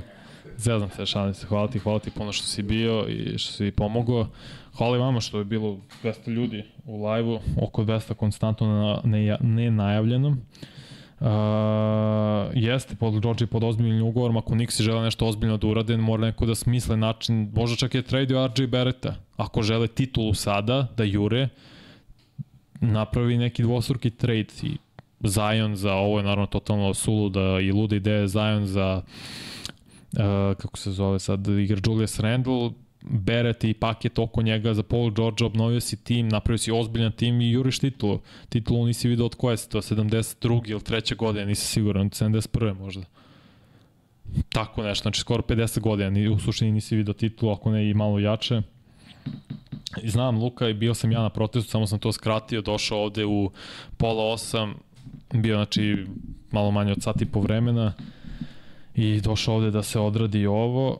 Uh, da li vredi Paul George? Ja mislim da vredi.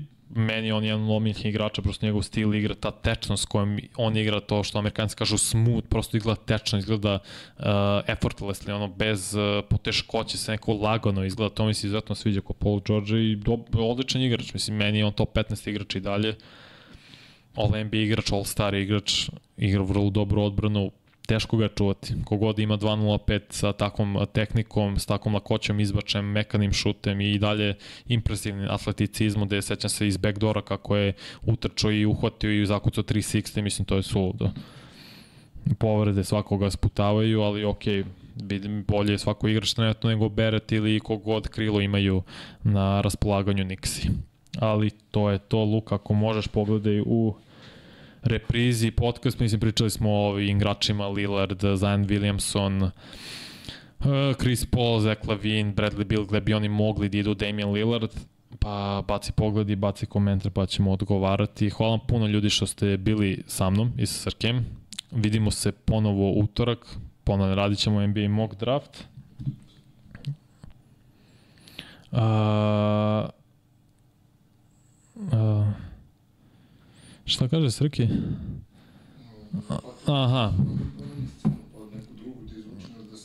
Pusti pa ću pročitati. Ajde, pročitat ću Patreon, nije ništa sporno. Možda zbunjujem malo poruke, pa sam sad ostao uh, zatečen. Žalim se, šalim na stranu. Kažem nadam se da ste uživali, mazite se i pazite se, vojite računa jedni od drugima ili što bi Srki rekao, vozite računa jedni od drugima. Udarite like, udarite subscribe, puno nam znači za algoritam. Reci?